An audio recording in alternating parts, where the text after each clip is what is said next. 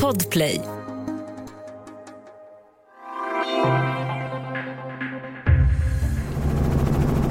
Vi närmar oss villan. Det är en, det är en stilig, stilig villa för en miljard kronor där. Man har, swimmingpool på taket, man har swimmingpool framför, man har en, nästan en hel halvö ensam för sig själv. Dagens Nyheters Erik de la Regera bevakar ryska oligarkers egendomar på franska rivieran från en helikopter. Här går flygturen över Roman Abramovichs gods. Vilka är Rysslands mäktiga oligarker och hur påverkas de av omvärldens sanktioner? I dagens Studio DN om beslagtagna jotter, frysta tillgångar och övergivna lyxvillor på franska rivieran. Och så tittar vi närmare på Roman Abramovic, känd som oligarkernas oligark. Välkommen, jag heter Ylke Holago.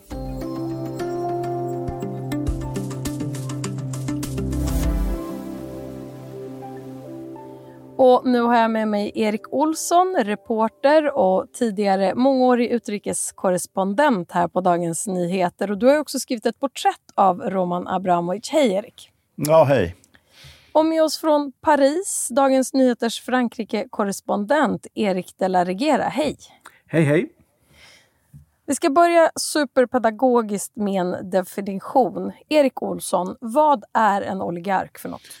Eh, alltså, eh, ordet eh, oligark, oligarki, det betyder, eh, det grekiska betyder fåvälde. Men eh, i Ryssland och Ukraina och andra gamla Sovjetrepubliker så har det kommit att definiera en väldigt rik affärsman, en mångmiljardär som har goda politiska kontakter och står i nära relation till presidenten.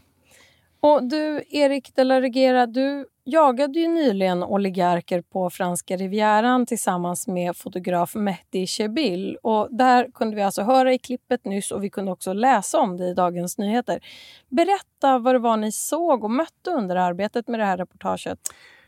Ja, det eh, har ju pågått nu i en dryg månad den här eller eh, jakten på oligarker som, eh, och deras egendomar på franska rivieran, men också runt om i, på andra platser i Europa. Det är ju tiotals eh, eh miljarder eh, kronor som har, har beslagtagits, eller kanske snarare frysts, eh, som eh, är det mer korrekta uttrycket. För det är för att kunna beslagta eh, ett hus till exempel, eller en eh, stor lyxvilla eller en lyxjakt, då krävs det att man Eh, att man eh, har någon typ av bevis för att ett brott har begåtts. Så i, medan eh, man då har inlett olika utredningar så fryser man då istället de här egendomarna så man inte får sälja dem eller flytta dem eh, utan tillstånd. Och hur märks det här på just franska rivieran? Franska rivieran är ju ett eh, område som är eh, väldigt exklusivt, lockar till sig en eh, turism eh, som eh, eh, i ganska hög grad utgörs av personer med väldigt mycket pengar. Och då inte minst då när det gäller från eh, Ryssland, men även från en rad andra länder som Gulfstater och så vidare. Och det Eh, som ni vet så finns det ju också möjlighet att resa dit eh, som eh, liksom medelklass från Sverige till exempel. Men de här riktigt stora exklusiva lyxvillorna, det är ju en det, det, är en marknad som är till för, kan man säga, de här mångmiljardärerna och där pengarna ibland har lite suspekt ursprung. Så när vi gick runt där Eh, och jagade, kan man väl säga då, eh, de här oligarkerna, så det var en utmaning därför att det är höga murar, det är svårt att ta sig komma nära helt enkelt. Det är säkerhetsvakter och det är videokameror som bevakar allt man gör i närheten. Så att för att överhuvudtaget få en, eh, en skymt av Abramovics villa där till exempel så var vi tvungna att hyra en helikopter. Och Vad tycker de som ni mötte på Rivieran om oligarkernas närvaro i området? Ja, det är lite blandat. Men det finns ju de är ju naturligtvis väldigt bra kunder för eh, mäklare och, eh, och det är den typen av turism som man alltid har velat ha där på något sätt. Samtidigt så finns det ju många som är upprörda såklart över det som eh, Vladimir Putin nu har gjort och invaderat Ukraina och det här kriget som pågår. Så att det finns en förståelse också för att man fryser och i, i vissa fall då beslagtar egendomar också. Eh, där, sen så är det väl inte med något jättestort engagemang, upplever jag, som myndigheterna agerar i, i Frankrike. Erik Olsson, vi har ju hört mycket om oligarkerna och hanteringen av deras förmögenheter den senaste tiden. Vad är det omvärlden vill uppnå genom att frysa ryska oligarkers tillgångar? Eh, ja, den fromma förhoppningen är väl att eh, de, alltså de här rika, alla de här rika eh, männen som det är frågan om, de har ju någon eh, förhållande till eh, presidenten, till Putin. Det är ju han som är liksom möjliggörare till deras rikedomar. Och, och eh, förhoppningen är då att, att om man nu sätter krokben för deras affärer, fryser deras tillgångar så skulle det på något vis påverka i maktborgen Kreml. Men det, ja, det återstår väl att se egentligen hur, hur, hur, hur det lyckas. Erik de la Regera, slott, lyxjakter, fotbollsklubbar och pengar på bankkonton till ett värde av tiotals miljarder kronor har ju då hittills frysts eller beslagtagits i Europa, jakten på de ryska oligarkerna. Hur har jakten på oligarkernas tillgångar gått till? Ja, det är i första hand då att man fryser tillgångarna, det vill säga eh, man ser till att man inte får flytta dem eller eh, sälja hus till exempel, som man har sagt eh, att eh, här, den här tillgången är fryst. För att om man ska beslagta något, då måste ett brott ha begåtts. Då, eh, då måste man kunna visa det i domstol. Därför så så fryser man de här, de här tillgångarna först och sen så kommer det att kräva stora resurser för att klargöra vart de här pengarna kommer ifrån ifall något brott har begåtts eh, av eh, ägarna till de här tillgångarna. Och hur har sanktionerna tillämpats i just eh, Frankrike? Ja, alltså när vi har varit ute och åkt så är det ju slående alltså att många av de här eh, oligarkerna, som det verkar i alla fall, fortfarande kan använda sig av sina hus. Och, och det, det är ju mer så att de inte då kan flytta sina lyxjakter eller så. Det är ju vissa fall när de här lyxjakterna har rört sig utan tillstånd och det har verkat som man har velat flytta dem till Turkiet till exempel, som inte har sanktioner på samma sätt mot de här personerna.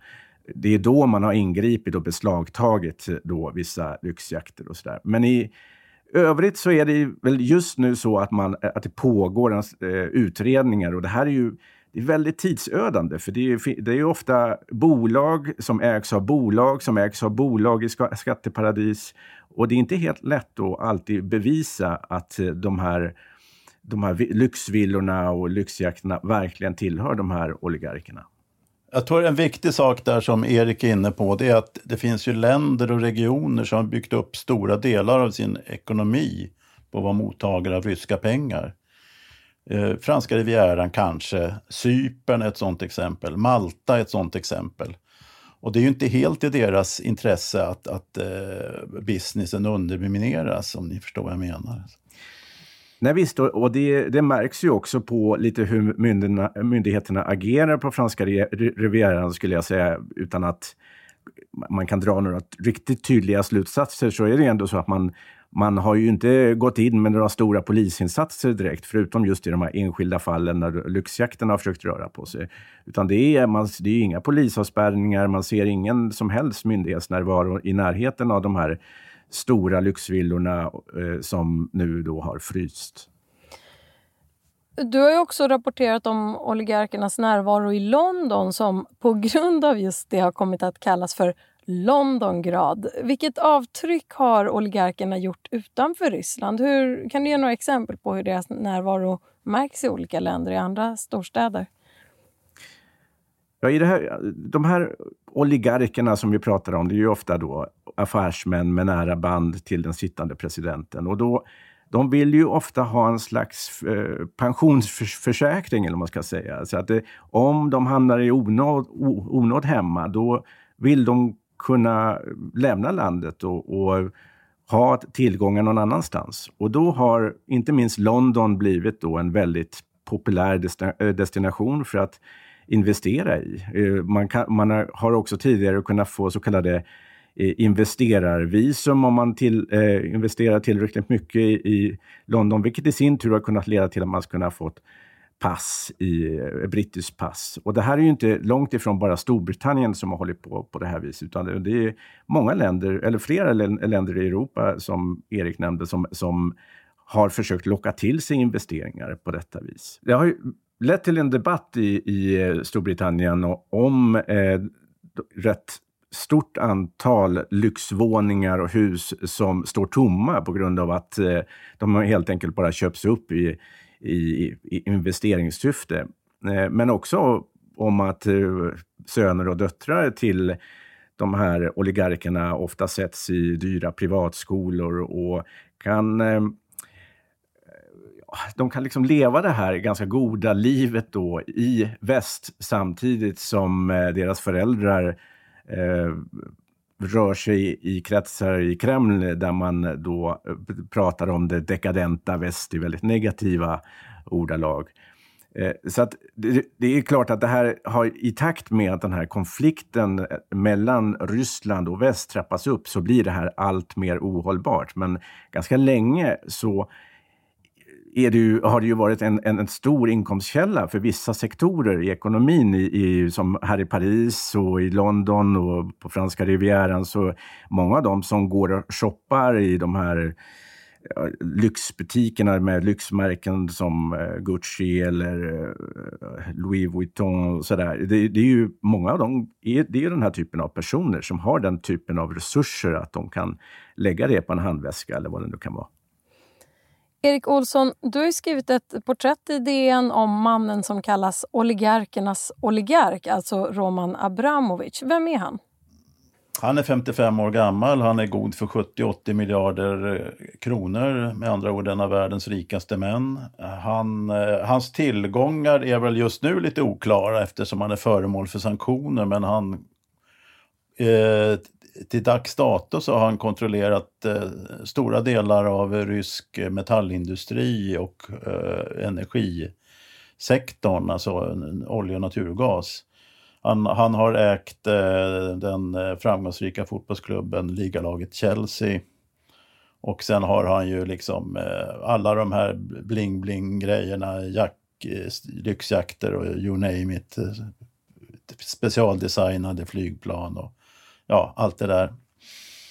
Han har inte alltid varit så här rik. Hur, hur har hans liv sett ut innan han blev så kallad oligark? Innan han blev så kallad oligark så var han, eh, alltså om vi går tillbaka till tiden för Sovjet, Sovjetunionens kollaps 1991. Då var han alltså en ung man. Han var eh, väldigt sugen på att göra business.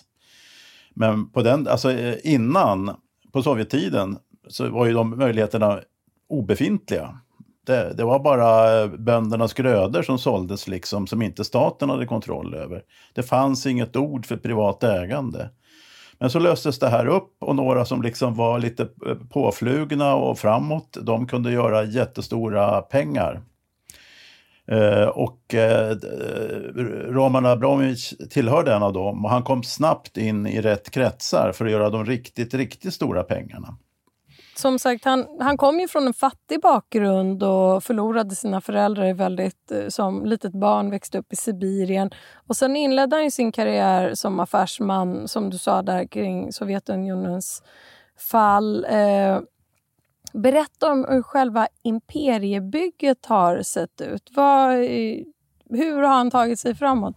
Ja, alltså, det, jag vet, det är väl om man får eh, tro, och det får man väl göra då, liksom, eh, eh biografin, så kom man i alla fall från en medelklassfamilj eh, och blev som sagt tidigt föräldralös. Och eh, flyttade runt lite bland släktingar. Eh, men sen kom han som sagt in i, i det här med eh, affärer och eh, och blev bekant med en eh, äldre man, eller äldre än honom, 20 år äldre ungefär, som hette Boris Berezovsky. Och denne Berezovsky, han hade enormt goda kontakter in i eh, presidentpalatset. Typ Jeltsin, Boris Jeltsin var president på den tiden. Och då handlar det alltså om en snabb okontrollerad privatisering av Rysslands naturtillgångar som ju är avsevärda. Och där höll sig de här herrarna framme på ett väldigt eh, kreativt, ur deras synvinkel kreativt sätt. Och, och, det, och kunde bli ja, ofattbart rika.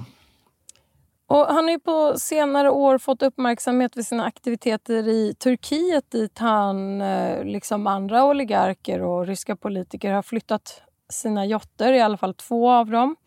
Eh, han har också närvarat vid fredssamtalen mellan Ryssland och Ukraina som hölls i Istanbul. Men det är lite oklart vem eller vad han har representerat eh, under de mötena. Vad, vad vet vi om det där? Vad kan vi utläsa av hans närvaro i Turkiet?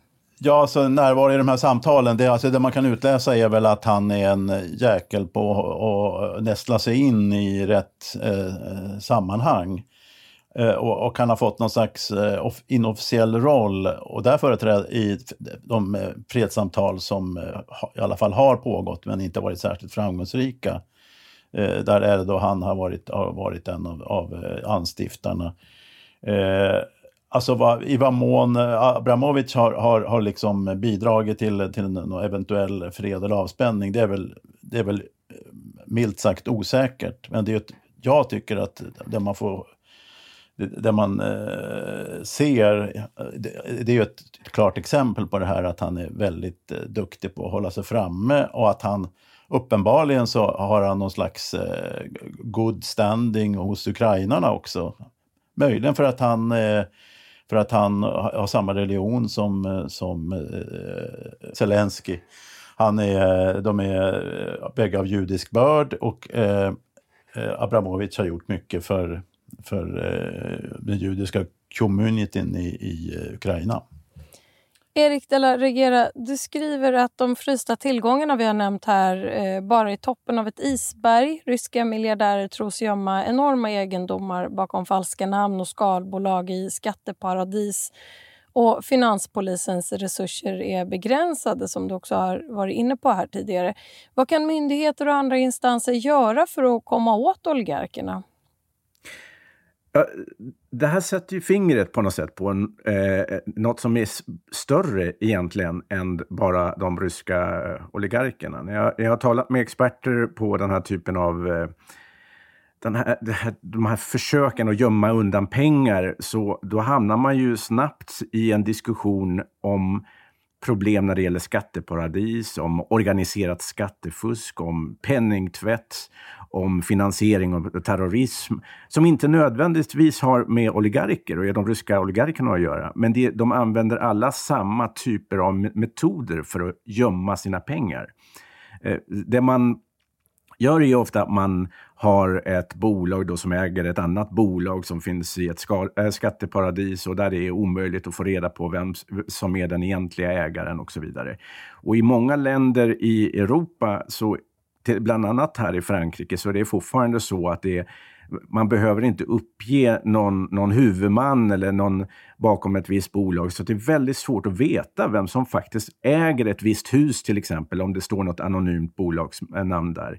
Det kan ju vara då hyresgästen till exempel som eh, faktiskt äger bolaget eh, och när man betalar hyran då så är det egentligen en avbetalning på eh, huset och så vidare. Och allt det där, är ju, hela upplägget är ju till för, då, för att undgå undgå myndigheternas eh, blickar och att man inte ska kunna bli granskad helt enkelt. Och i grunden så det här pekar ju på ett problem på något sätt. Och det är där eh, ekonomer som eh, Thomas Piketty till exempel, eller eh, Theresa Nief, en eh, tysk ekonom som jag intervjuat, menar att det här, är, det här är något som verkligen visar på att vi behöver någon typ av Eh, Eh, och till en början ett europeiskt eh, egendomsregister som är heltäckande och där olika typer av egendomar ingår och där man faktiskt kan få veta vad folk äger och vem som står bakom olika bolag. Så att det finns liksom vägar att gå för att komma dit, men fram tills dess så är det väldigt svårt för polisen att komma bakom alla de här täckmantlarna. Och det kräver väldigt stora resurser. Det, kommer, det kräver liksom hundratals poliser för att uh, bara ta sig an några få fall. Så att, och i, I många fall så är, är finanspolisen liksom närmast kroniskt underbemannad. Och, eh, så den här krisen, just det här, de här fallen med de ryska oligarkerna visar på att det finns någon typ av systemfel där som behövs åtgärdas. Jag skulle vilja tillägga en sak där och det, och som handlar om eh, det, det, här. Det vi pratar om det är att strypa eh, ryskägda tillgångar för att försvåra Ukraina, eh, krig, alltså Rysslands anfallskrig i Ukraina. Men eh, Eh, det är ju en väldigt eh, eh, högljudd debatt nu om att man också måste strypa flödet av nya pengar från Ryssland. Alltså, nu vet jag inte om summan säger så mycket, men ni inser att det är mycket pengar om Ryssland sålde olja förra året för 180 miljarder dollar och de sålde gas för 60 miljarder dollar. Det är mellan 15 och 20 procent av Rysslands BNP. Så det är mycket pengar. Och det, eh, så länge de pengarna flödar ut ur Ryssland och eh, så att säga de får pengar för det eh, så, så, ehm, så kommer de ju Putins krigsmaskin och, och kunna rulla på. Vi pratar ju väldigt generaliserande här om oligarker, men det finns ju faktiskt individuella skillnader i hur de har ställt sig till Putin, både före kriget och sen det bröt ut. Hur ser det ut där? Vilka olika förhållningssätt till eh, invasionen av Ukraina och kriget kan vi se bland oligarker? Alltså, jag tycker inte att, att det, det, man ser så olika förhållningssätt egentligen.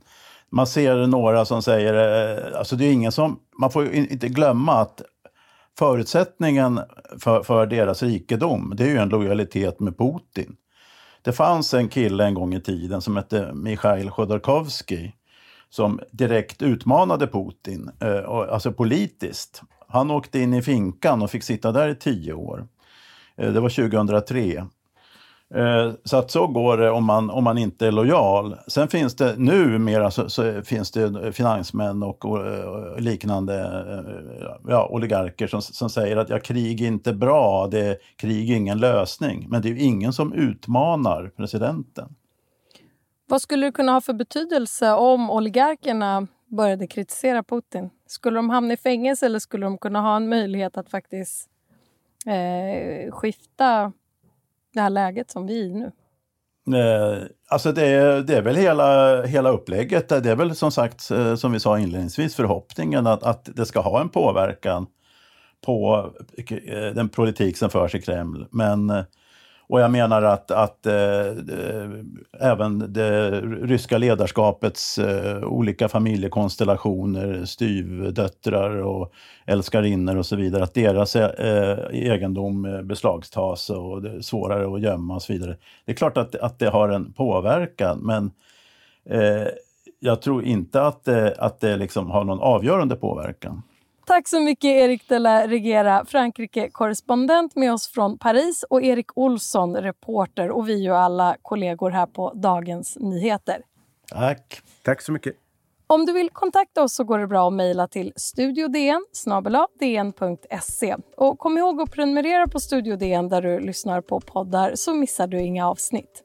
Studio DN görs för Podplay av producent Palmira Kokare-Menga. Ljudtekniker Patrik Misenberger, teknik Per Stubler, Bauer Media och jag heter Ylke Holago.